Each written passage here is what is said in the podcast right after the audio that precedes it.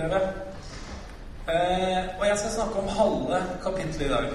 Eh, siste halvdel av kapittelet, da begynner Paulus å runde av brevet sitt. Han har en ganske lang avrunding på halvannet kapittel. Så vi skal ta avrundinga neste gang. Eh, men nå jo, er vi på slutten av rombrevet, og de siste kapitlene har Paulus skrevet om ting som stort sett har med hvordan vi skal leve med hverandre i det kristne fellesskapet. Eh, og det er jo fantastisk, tenker jeg, hvor mye vi trenger å lære om det hele livet. Hvordan vi skal oppføre oss. Vi tenker ofte det at det hører barna til, å lære hvordan de skal oppføre seg. Men vi trenger det jo, vi voksne òg. Vi trenger å lære oss hvordan vi skal leve sammen som fellesskap. Fordi at kirke, menighet, det handler om fellesskap. Det handler om å dele livet med hverandre. Det handler om å leve sammen. Og det er det det her handler om. Eh, vi skal snakke litt om vi skal snakke om det å ta imot hverandre, som Paulus skriver om her. Og vi skal snakke om svakhet. Og vi skal snakke litt om de andre. Du vet hvem de andre er? De andre, det er de som ikke er i vår gruppe. Det er, det er de som er annerledes enn oss. Vi som liksom har funnet sammen av ulike årsaker. Og Derfor er det viktig at vi lærer oss å ta imot hverandre, også de andre. Det var nesten så det rima.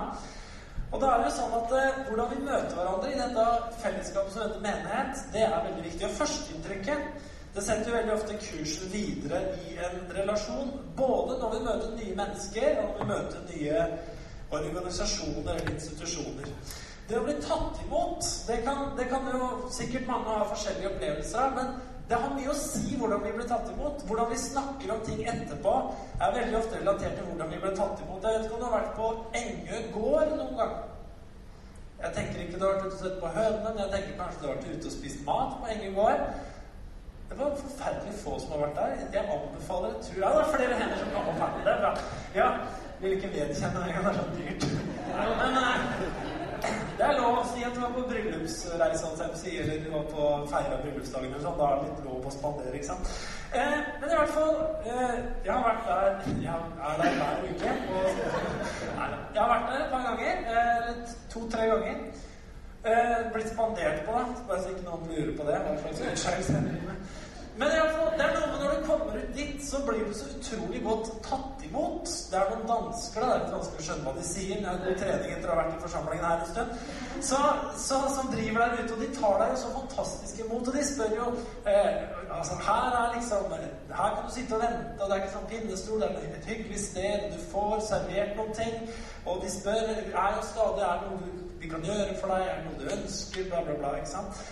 Og man blir tatt på en fantastisk måte. Så allerede før du skal spise, så har du følelsen av at 'jeg har blitt sett', 'jeg har blitt tatt imot', 'jeg er respektert'. Og man innbiller seg da at man er elsket for mer enn at man skal ut med 5000 kroner for middag etterpå. Men i hvert fall du får den følelsen. Og etterpå så snakker man jo godt om det. Hvordan var det på Enge gård? Jo, det var jo fantastisk. Vi ble jo tatt imot. Og i tillegg så var jo maten bra, selvfølgelig. Det sto det i Dagbladet. Norges beste restaurant ligger i skauen på Tjøme. Så jeg anbefaler en tur dit. Nok reklame om Egegård. Det fins mange andre måter å bli tatt imot på. Vi kan noen ganger bli veldig overentusiastiske uten at det nødvendigvis er veldig bra. Jeg husker da jeg var fire-fem år gammel, så jeg invitert i bursdag til fetteren min. Han er noen måneder eldre enn meg. Og jeg husker jeg var litt spent, for det skulle være noen barn der som jeg ikke kjente. Og så husker jeg det den lille rekkehusleiligheten på Tolvsrud. Så kom jeg opp gangen, og jeg åpna døra, og imot meg kom det Jeg følte det kom 5000 barn imot meg. Og skreik og ropte. Og det var mange jeg ikke kjente. Jeg husker Det gjorde så inntrykk på meg. Jeg ble så redd at jeg begynte å gråte. husker jeg. Så jeg måtte ut igjen og grine fra meg før jeg kom inn igjen. Så det er ikke alltid liksom sånn overraskende. Det kan, eh, det kan finne en mellomting der. Eh, men det å møte hverandre og gi et førsteinntrykk Husker du var i New York, så var jeg forvirra den første dagen. Husker Katrine Vi kom til New York, Manhattan, og så skulle vi gå og se litt i butikker. Og da, da spurte de med en gang sa 'Hello, sir. How are you today, sir?' Og så lurte jeg på uh, Well, uh, you know, I just came from Og så gikk de bare. De var ikke interessert i å høre, egentlig. De spurte bare hele tida How are you today, sir? Alle spurte det. De mente jo da egentlig ikke at du skulle svare på det. Det var liksom bare en høflighetsfrase. Første gang så begynte jeg faktisk å svare på det, og skjønte etter hvert at det, det var veldig dumt. Eh, så ikke gjør det hvis du skal til USA. Ikke svar, bare sånn, grynn tilbake, sånn, så er du fornøyd. Men det å være blid eller sur, det å være imøtekommende eller avvisende, interessert eller uinteressert Nysgjerrig eller likegyldig. Problemorientert eller løsningsorientert. Summen av de holdningene vi møter mennesker med, det er ganske enormt. Eh, og der er vi som kirker og menigheter vi er veldig forskjellige. Og her tror jeg Paulus har lyst til å lære oss noe. Jeg hadde en tur sammen med flere andre her ned til en menighet i, i Malmö for et par år siden. Til United i Malmö. Og der, det som, Noe av det som sitter skikkelig igjen i meg, det er hvordan vi ble tatt imot.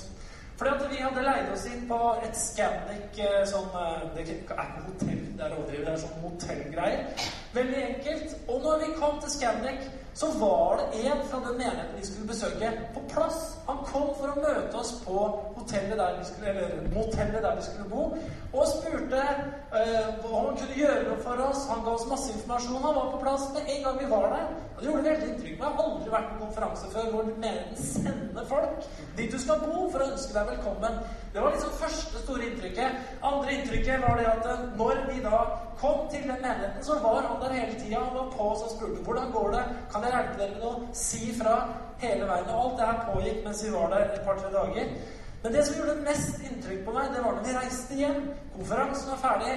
Denne karen hadde stått på som bare det hele konferansen. Han var med i lovsangen, han var overalt. Det så jeg var veldig aktiv. Så er vi ferdig med konferansen. De er ferdig med konferansen. De har sikkert pakka sammen og tenker nå kan vi liksom slappe av. På vei hjem så sitter vi på McDonald's, en eller annen kjedelig, kjedelig sted i Sverige. Så ringer denne karen til meg og spør er dere på vei hjem. Ja. Har dere hatt det bra? Er alt bra med dere? Jeg tenkte er det mulig? Er det mulig å følge opp så mye? Vet du, Det har jeg aldri glemt. Og jeg følte faktisk han mente det når han tok den telefonen. Det gjorde inntrykk på meg. Hvordan tar vi imot hverandre? Når Paulus skriver kapittel 15, så er det en naturlig del en forlengelse av kapittel 14 om hvordan leve sammen. Paulus tar opp noe av det som han har tatt opp i kapittel 14, nemlig det her med jødene i det kristne fellesskapet og de hedige kristne. De omskjærte og de som var uomskjærte. Og for begge disse gruppene så var den andre gruppa det var de andre i utgangspunktet. De som ikke har med oss å gjøre. Og Paulus snakker om hvordan vi skal kunne leve sammen. Eh, saken er at Vår menneskelige natur den er sånn at vi lett er lojale mot de som eh, er lik oss sjøl. Det ser vi f.eks. på sjøen. Aftenposten hadde en stor artikkel nå, to sider, om båtfolket. Og jeg kjente meg så godt igjen. For det er noe med det at man forakter gjerne de andre. Bent Ove, du har trebåt. Jeg vet at du inni ditt hjerte noen ganger du ser et stort campingfly sier 'Det er tuppevare på sjøen'. Det er tuppevarebåt. ikke sant? Det er liksom for å senke den båten ned til noe dårlig. Men egentlig er det kanskje en båt som koster fem millioner eller noe sånt. da. Men det er dårlig hvis de kanskje sier om oss at han kjører rundt i et gammelt sankthansbål. ikke sant? For en trebåt kan du alltid brenne til sankthans og veldig forfelle fint da. Mens vi som kjører trebåt, vi føler at vi er ordentlige båter. Vi kjører rundt i fine ting. ikke sant? Og så er det seilbåtfolket da, som forakter alle andre for at man skal ikke bruke motor på sjøen. Man skal da bruke naturen. Man skal jo seile. At de har bare ferie på Skakke, sier disse motorbåtfolka. Hvem gidder å ha ferie på Skakke hvis man kjører i 45 grader hele ferien? Hvem orker det? Det er ikke noe kos på sjøen, det. Og vi elsker å hate hverandre. Og vi som har trebåt, vi hilser ekstra godt på hverandre når vi treffer utpå med disse på campingcruiser som sitter høyt oppe på flybridgen her. De hilser jeg jo ikke på. De hilser jo ikke på meg heller. Vi hilser ikke på hverandre. Hvorfor gjør vi ikke det? Fordi det er jo de andre. Og sånn holder vi på med så mye. Men i det kristne fellesskapet der kjenner det plass til både trebåter og plastbåter og pinnebåter, som da seilbåter kalles enkelte motorbåtfolk. Er du åpen for det? Det er bra. Bær hverandres svakheter, begynner Paulus Rombrevet 15. Han skriver som følger Vi som er sterke, må bære de svake svakheter og ikke tenke på oss selv.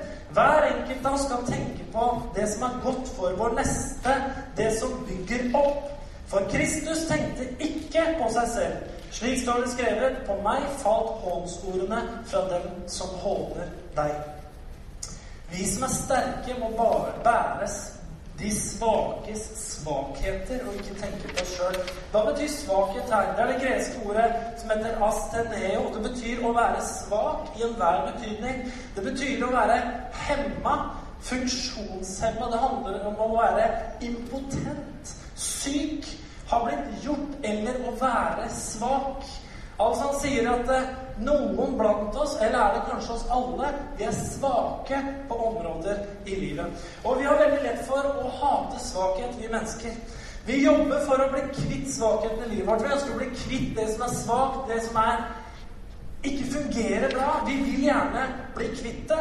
Og veldig mye av det vi hører rundt oss også, det handler om hvordan bli kvitt svakheter. Hvordan overvinne svakheter. Hvordan komme ut av svakheter. Og det er selvfølgelig bra å gjøre det. Men faktum er, er at vi har svakheter. Og utgangspunktet vårt når vi tenker på svakheter, det er at svakheter det er noe negativt, det er noe destruktivt, og det er noe som bør fjernes. Er det ikke veldig lett sånn vi tenker? Og der, vi, der mennesker ønsker å lykkes og ha suksess, og kjærligheten samtidig har blitt borte, ja, da tenker vi at vi må fjerne det svake for at suksess skal oppnås. Der hvor vi ønsker oss framgang og suksess, og hvor kjærligheten har blitt borte, der tenker vi at vi må fjerne de svake, det svake, for at vi kan lykkes med drømmen vår. Jeg tror vi skal tenke litt på det her. Det fantes for ikke så veldig mange år siden i Europa et land som het Tyskland. De fikk en leder, Hitler, som hadde en voldsom ambisjon på den tyske nasjons vegne. Det skulle være et herrefolk. Det skulle være et et folk som skulle styre verden, hvor ting skulle være i orden, hvor det var suksess og framgang på alle fronter. Drømmen var et velfungerende og sterkt samfunn fordi det var et samfunn som var i krise på 30-tallet. Derfor så kom han til makta og de kreftene til makta og sa vi skal rydde opp, vi skal skaffe materiell framgang, vi skal skaffe militær framgang. Vår nasjon skal skinne over alle andre nasjoner. Hva blir konsekvensen for at de skal lykkes? Jo, en del av tenkinga deres er at om vi som nasjon skal lykkes i den framgangen vi ser for oss, så må vi fjerne det svake. Vi må fjerne det som er dysfunksjonelt. Vi må ta det bort for at vi skal lykkes med vårt prosjekt. Og det er et kjent faktum at resultatet var at handikappa, funksjonshemma, de ble utrydda i stor skala. De ble fjerna. Folk, barn med Downs syndrom og alle mulige mer eller mindre alvorlige handikap, de ble fjerna. Hvorfor det? Vi må fjerne svake for at vi skal lykkes med vår store drøm. I tillegg ble andre trusler også fjerna, sånn som jøder og sigøynere osv., som var de andre, de som ikke hørte til oss osv. Tanken er altså skal vi lykkes, må vi fjerne alle svakheter. Vi må ikke vise svakhet, og vi må ikke akseptere svakhet. Hvis ikke så kan vi ikke lykkes. Og så kan vi spørre oss kan, kan man gå med en sånn type tankegang at før svakhet er borte, så kan ikke ting lykkes? Vel det blir utopi. Svakhet vil alltid være iblant oss. Den måten de tenkte på, for dette er da sin ytterste konsekvens, det kan jo skape en type suksess. Det kan jo skape en viss form for framgang under en periode. Vi kan si at vi fikk til at tyskerne fikk brød på bordet. Vi kan si at vi fikk til å reise opp en fantastisk gåsetegn her.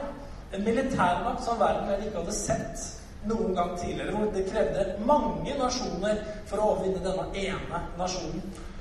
Vi kan si at de bygde ting, konstruerte ting, lagde ting, utvikla den gang teknologi og forskning som var langt, langt, langt framme.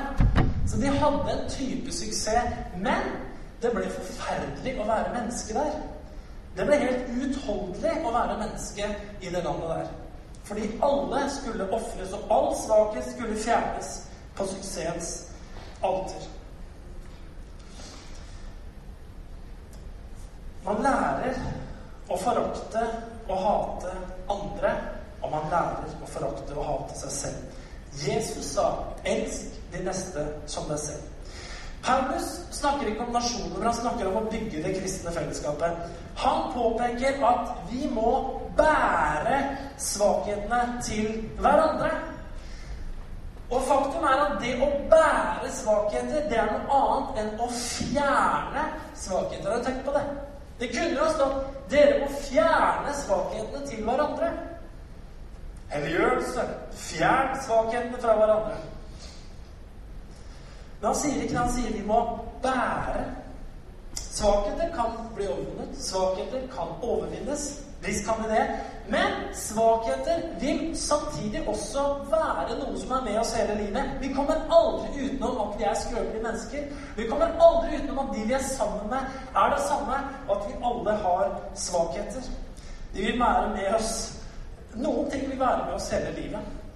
Eh, på en måte så kanskje vi forandrer oss mye, men på en annen måte så er det ofte sånn at vi, vi har med oss noen ting. Jeg vet ikke om du har truffet noen sånne gamle klassekamerater og sånn, på sånn reunion sånn 20-30 år etterpå. Og det er jo ganske påfallende hvor like folk er. Altså Han som hadde lett for å bli sinna og var litt hissig ikke sant, i sjette klasse, han er jo det ennå. Han er 50 år. Og blir fortsatt litt fort hissig, ikke sant? Vi kan ha med oss ting. Å bære svakhet, det handler om å kompensere. Akkurat som når folk ligger med vektstang på vektrommet, og de ligger og pumper jern, ikke sant? Så skal det alltid stå en over. Så etter hvert som denne personen begynner å vise svakhet En til! En til! Så må man kompensere. Man må bære den andres svakhet etter hvert. Da koster det noen ting. Du må bruke litt av dine egne krefter på å kompensere svakhetene til andre. Som regel så tror jeg at vi ser både for, for mye og for lite på svakheter hos hverandre. Enkelte mennesker vi treffer, veldig, kan ha veldig tydelige svakheter. Og det eneste vi ser da, det er den svakheten. Vi ser liksom ikke noe annet. Mens enkelte mennesker vi treffer, de fremstår som perfekte. Mennesker som ikke har svakhet, mennesker som er vellykka, mennesker som liksom har alt med seg, syns vi.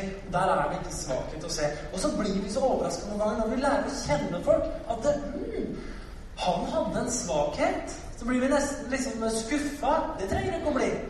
Alle mennesker har svakheter med seg. Blir vi godt nok kjent med hverandre, så, så lærer vi å kjenne. Bare spør kona di eller mannen din eller noe sånt, eller mora di. Hun vet om svakhetene dine sånn cirka. Ikke sant? Jeg jobber Jeg jobber med eh, funksjonshemma i den andre jobben min. Og første gang jeg traff traff dem, så så jeg på en måte nesten bare svakheten deres. Kan ikke gå. Kan ikke det, kan ikke det, kan ikke det. kan ikke Det Det er det som slår imot deg. ikke sant? Du ser liksom bare denne alle disse manglene. Og så går det litt tid, og så blir man kjent med mennesket bak svakheten. Og så sa jeg til Katrin her for en stund siden at vet du hva? Nå er det akkurat som jeg, jeg tenker i grunnen ikke så mye på det mer. At det fins mangler. At de ikke kan det og ikke kan det. Jeg tenker ikke så mye på det mer. Når vi er sammen, så er vi sammen. Da er vi mennesker som er sammen, og vi prater sammen, og vi, vi deler ting. Og så blir på en måte alle de sakene de blir, de blir borte. De blir bakgrunn på det her. Og jeg tror det at blir vi kjent med mennesker bak svakhetene, så, så, forsvinner også noe av svakhetene når vi lærer å kjenne hjertet til folk og lærer å kjenne interessene til hverandre. Så svakhet det er, det er ikke et sånn negativt budskap, for det, det er det Paulus sier. Dette må vi bære. Vi tror at Den hellige ånd kan hjelpe oss til å overvinne ting, men samtidig så må vi leve en sånn erkjennelse at vi vil møte hverandre i svakhet. Og da, kjære venner, sier Paulus, bær hverandres svakheter.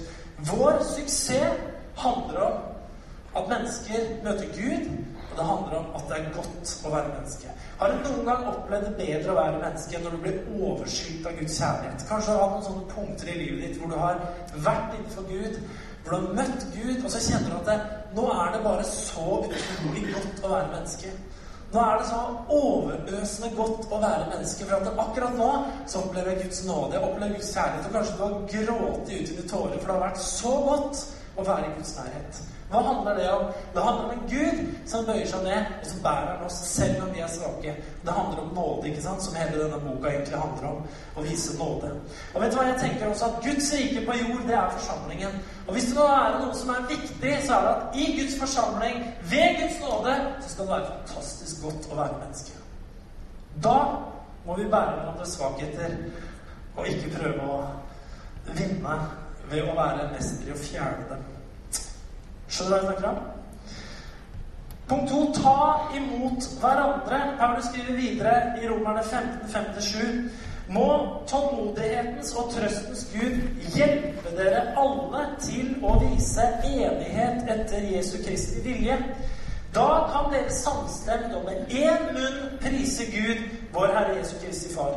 Ta derfor imot hverandre slik Kristus har tatt imot dere til Guds ære. Paulus ber en bønn. Han ber en bønn, og han sier Må tålmodighetens og trøstens Gud hjelpe dere til å vise enighet. Enighet er altså ikke nødvendigvis noe som kommer helt sånn av seg sjøl, flytende på en fjøl. Det rima til med det. Det var veldig flaks. Men det er noe sånn at det med enighet det er noen ganger noe vi må anstrenge oss for å gjøre. Akkurat som det å bære en annens byrder, kompensere for en annen svakhet, det kan kreve en viss anstrengelse fra deg og meg. Ikke sant? Be om enighet, slik som Kristus tok imot dere. Hvordan tok Kristus imot oss? Jo, han tok imot oss med tilgivelse og nåde. Han tok imot oss med overbærenhet. Han tok imot oss med vilje og evne til å glemme det som ligger bak. Han tok imot oss med et budskap om framtid og håp. Og han tok imot oss med offervilje for å hjelpe oss mens vi var svake, for å reise oss opp i beina igjen. På den måten så skal vi også ta imot hverandre. Paulus skriver videre i Rombrevet 15, og han skriver i vers 8 til 9 som følger. For det sier jeg dere, Kristus ble en tjener for de omskårne for å vise at Gud taler sant, og for å stadfeste løftene til fedrene. Men også for at hedningefolkene skal ære Gud for hans, hans barmhjertighet. Som det står skrevet, derfor vil jeg prise deg blant folkene, og jeg vil lovsynge ditt navn. Jesus, står det, han var en tjener både for de omskårne, altså for jødene, og for de uomskårne hedningene. Paulus har skrevet mye brev i forhold, til, i forhold mellom jøder og hedninger. Han har vært han har henvendt seg til hedningene, han har henvendt seg til jødene. Han har snakket om de ulike tradisjonene har, de ulike skikkene de har, de ulike kulturelle bakgrunnen de har, ulike syn på hva som er rent og urent. Paulus skriver om det, og vi kjenner igjen det fra apostelens gjerninger. Disse to gruppene de var eh, egentlig motpoler på veldig mange måter i, i, måten de hadde bakgrunn på og levde på. Men Paulus understreker veldig tydelig at Jesus har gitt sitt liv både for omskårne og for uomskårne. Uansett historie så blir disse menneskene forena i Kristus. Uansett etnisk eller kulturell bakgrunn så blir disse menneskene forena i Kristus. Uansett sosial status så blir disse menneskene forena i Kristus Jesus. Uansett sterk eller svak, så blir disse menneskene forena i Kristus Jesus. Uansett om vi er såkalt vellykka eller mislykka, så møtes alle sammen under Jesu Kristi nåde. Er ikke det bra, så vet ikke jeg. Og det tenker jeg må være liksom den ultimate drømmen for Guds rike her på jord. Det er at det er plass. Det er plass til mennesker som er sterke, det er plass til mennesker som er såkalt vellykka, det er plass til mennesker som har svakhet, det er plass til mennesker hvor ting har rasa sammen. I Kristus Jesus, uansett bakgrunn, så er det plass. Amen. Det er det menigheten er til for. Og så skrives det noe fantastisk videre her, som handler om glede og fred.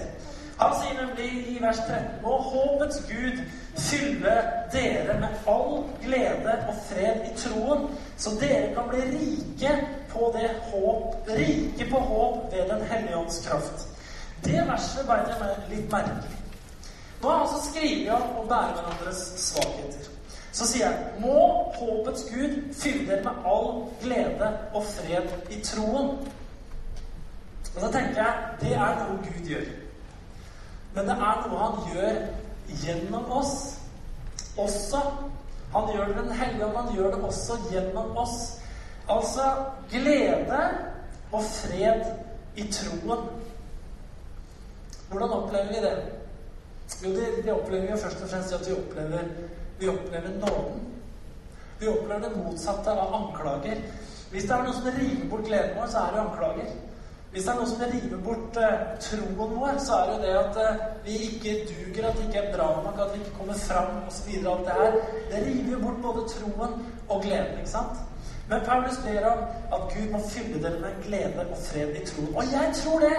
At vi kan sørge for å skape glede og fred i troen hos andre ved måten vi er på. Det tror jeg vi faktisk kan bidra veldig sterkt på. Og så tror jeg Den hellige ånd er den som setter sitt seil på det og gjør det endelige verket. Men jeg tror du og jeg, vi kan gjøre noe for at folk skal ha glede og fred i troen. Tror du ikke det? Vi kan oppmuntre hverandre i stedet for å hakke på hverandre. Vi kan, vi kan eh, se det gode i hverandre i stedet for å se svakhetene. Vi kan være med og løfte hverandre opp, ikke sant? Og så kan vi være med og skape glede glede og fred i troen på den måten der. Eh, jeg traff, eh, traff en kar for ikke så veldig lenge siden, og han, han spurte meg hva er forskjellen på dere og på Smiths venner? sånn? Så vi, vi fikk en lengre prat. Og så sa han hvorfor jeg lurer. Da? Det er fordi at jeg har vokst opp i jeg har vokst opp i eh, Hvem har et av de lutherske formene? Hvilket var det igjen? Norsk luthersk misjonsungdom, tror jeg det var. Han hadde vokst opp der, han hadde gått på søndagsskole der, men hele sitt voksne liv så hadde han aldri gått i noen kirke eller noen ting. Og så begynte han å lure, og vi fikk en, vi fikk en eh, lang prat. Det var på den andre jobben. Eh, den andre jobben, som jeg kaller det. Jobber i Søsbakk kommune. eh, og da, da fikk vi en lang prat. Og når vi hadde snakka litt om, eh, om, eh, om, evangeliet, så sier han ja, det er i grunnen akkurat sånn jeg har tenkt at det er. Det er sånn jeg har forstått det, jeg, og sånn som merker han ble litt engasjert i troen. Og så måtte jeg spørre har du, har du bevart troen, sier jeg. Han var fra Telemark, da. Jau. Jeg har jo egentlig det. Og så rakk jeg å tro som kanskje har ligget død så fryktelig lenge den fant den på en måte igjen. Har du tatt vare på troen? Og så var det akkurat som det blussa noe opp i et jau. Jeg har nå egentlig det. I går traff jeg en annen dame som er uttalt ateist. Veldig glad i å synge. Du er med et kor ute i Slagens kirke, fikk jeg greie på. Så sa hun Jeg er i troende, men jeg får lov å være med og synge likevel. Ja, det er fint, sa jeg. Men nå er det pinse, så nå, nå har jeg lært om Den hellige ånd. Ja, så fint, sa jeg. Nå skal du høre. Den hellige ånd herliggjør Kristus, og han helliggjør oss, sa hun. Ja, det er helt riktig, det, sa jeg. Det hadde hun fått med seg. Tenkte det er jo kjempebra. Og så sa hun at det er det Den hellige ånd gjør. Ja, har du, eh, har du eh, Hvordan forholder du til det der? Jo, men det har jeg opplevd. Det har jeg opplevd, sier jeg. For meg er det veldig levende. Å ja, sier du. Men jeg er den eneste som ikke er troende der. Jo, men det er det Den hellige ånd gjør selv. Det er kjempebra. Ta vare på det. Ja, hun var så blid hun gikk. Og så tenker jeg at noen ganger så leiter mennesker etter troen for å finne troen. Men så tror jeg noen ganger at troen finner mennesker. Jeg tror noen ganger så finner Gud mennesker, og plutselig kan troen den kan begynne å spire. Den kan begynne å vokse. Og da handler det om hvordan tar vi imot hverandre? Hva er førsteinntrykket? Hvordan tar vi imot hverandre? Man kunne jo sagt til denne dama ja, men du kan ikke synge kristne sanger hvis du ikke tror. Du må jo synge med hjertet. Hvis ikke så er det ikke noe verdt for Gud. Det må du jo skjønne. Mulig jeg hadde drept noe der, altså. Jeg tror troen kan finne mennesker noen ganger. Så sier han så dere kan være rike på håp ved Den hellige ånds kraft. Hva er det å være rik på håp? Jeg tenker å være rik på håp, det handler om framtidstro. Det handler om håpet som er evig. Jeg tror det også handler om håpet som er her på jorden fordi at Gud er med oss. Hvorfor skriver han om det? At de skal være rike på håp ved Den hellige ånd. Jeg vet ikke, men jeg, jeg og mange av dere dere har vært borti mange forskjellige kristne sammenhenger. Mange menighetssammenhenger osv. Og, så og det er jo påfallende hvor stor forskjell det kan være, selv om vi har den samme Gud. Vi har den samme tro, vi har den samme Hellige Ånd. Så finner du i enkelte menighetsmiljøer i kristne sammenhenger at håpet er utrolig sterkt. Framtidstroa, den vibrerer i lufta. Tenk hva som er på gang. Tenk hva Gud holder på å gjøre. Tenk hva vi får være med på. Tenk all den nåde som vi opplever i livet vårt. Liksom, det er jo fantastisk å leve som kristen. Så kjenner vi liksom bare håp for framtida. Det er veldig levende. Og så er det andre sammenhenger hvor du kan treffe mennesker som ja, ja, nei, det er jo tilbakegang på alle kanter, og det er jo avkristning, og det er jo det er liksom nede, går jo nedom og hjem med forsamlingene. Det er Framtidstro er på en måte borte. Håp er på en måte borte. Hva bunner det i? Det kan være mange forskjellige ting. Men jeg ser at Paulus kobler sammen med håpet, med, med, med, gleden og freden i troen. Jeg ser at han kobler sammen med det kristne fellesskapet. Jeg tror at vekkelse handler om at man har en glede og fred i troen som gjør at man tror på framtida. Og det kan vi hjelpe hverandre med ved å bære hverandres byrder. Sånn at vi kan berike på håp ved Den hellige ånds kraft. Amen. Det er eh, et eh, enkelt budskap i dag. Husk på det. Bær hverandres svakheter. Det viktige vi skal ta med oss, er å huske oppgaven vår er ikke først og fremst å fjerne dem, men å bære dem. Så kan det hende det blir borte etter hvert. Folk kan bli sterkere etter hvert. Vi kan bli sterk etter hvert. Vi skal ta oss og bruke litt tid eh, sammen med Gud eh, nå på slutten av gudstjenesten. Kanskje Fredrik kan komme opp og spille litt. Og så skal vi, skal vi synge litt mer sammen. Jeg tenkte vi skulle bruke litt tid på å søke Gud. Eh, det er sånn at vi kanskje begynner å tenke på svakheter i vårt eget liv. Eh, Veldig mange ganger så blir eh, kanskje åndslivet vårt eh, på en måte ødelagt fordi vi har svakheter vi ikke helt klarer å overvinne. Kanskje det er ting som vi har slitt med i mange år. Svakheter som vi tenker at dette burde jeg vært ferdig med nå. Dette burde jeg vært kvitt nå. Og så går vi der, da. Under sånn eh, lett fordømmelse. Og så spiller det på en måte ingen rolle hvor mye nådeforkynnelse som du hører, for at det er et eller annet i livet ditt, en eller annen svakhet. Du kan spille litt, Fredrik. Ja? Ja, det er fint at du prøver. Så fint med litt pianomusikk.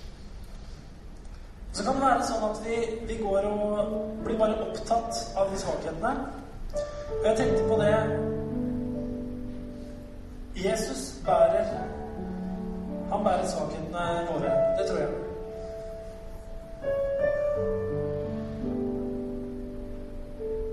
Men så tror jeg at eh, vi skal tenke at vi bærer hverandres svakheter òg. Og så tenker jeg at om du er her som bare har satt deg fast i det med at jeg har svakheter Kanskje Kanskje du skal snakke med noen om det. Kanskje du ikke tillater noen å bære svakhetene dine. Kanskje det ligger denne vektstanga, og den detter bare ned på brøstet ditt. Den blir liggende der. Det er farlig for hjertet. Og sånn kan det være farlig også å aldri spørre om hjelp. Men hvis vi skal spørre om hjelp, hvis vi skal be noen om å bære svakheter sammen med oss, så må vi være trygge på at de folka er interessert i å ta i tak og bære dem sammen med oss. Kanskje i formiddag at du skal ta en litt ny approach til svakheten i livet ditt. Du er ikke unormal altså, hvis du har svakheter, for å si det sånn. Vi har alle svakheter. Og svakheter, de er til for å bæres, så de ikke tar livet av oss. Amen. Skal vi ta oss og reise oss litt, og så skal vi be litt sammen. Herre Jesus, takker deg for at du er fullkommen. Takk for at du kom i menneskelig kjøds lignelse. Du kom ned til jorda, ikledte deg en skikkelse som var lik oss, Herre.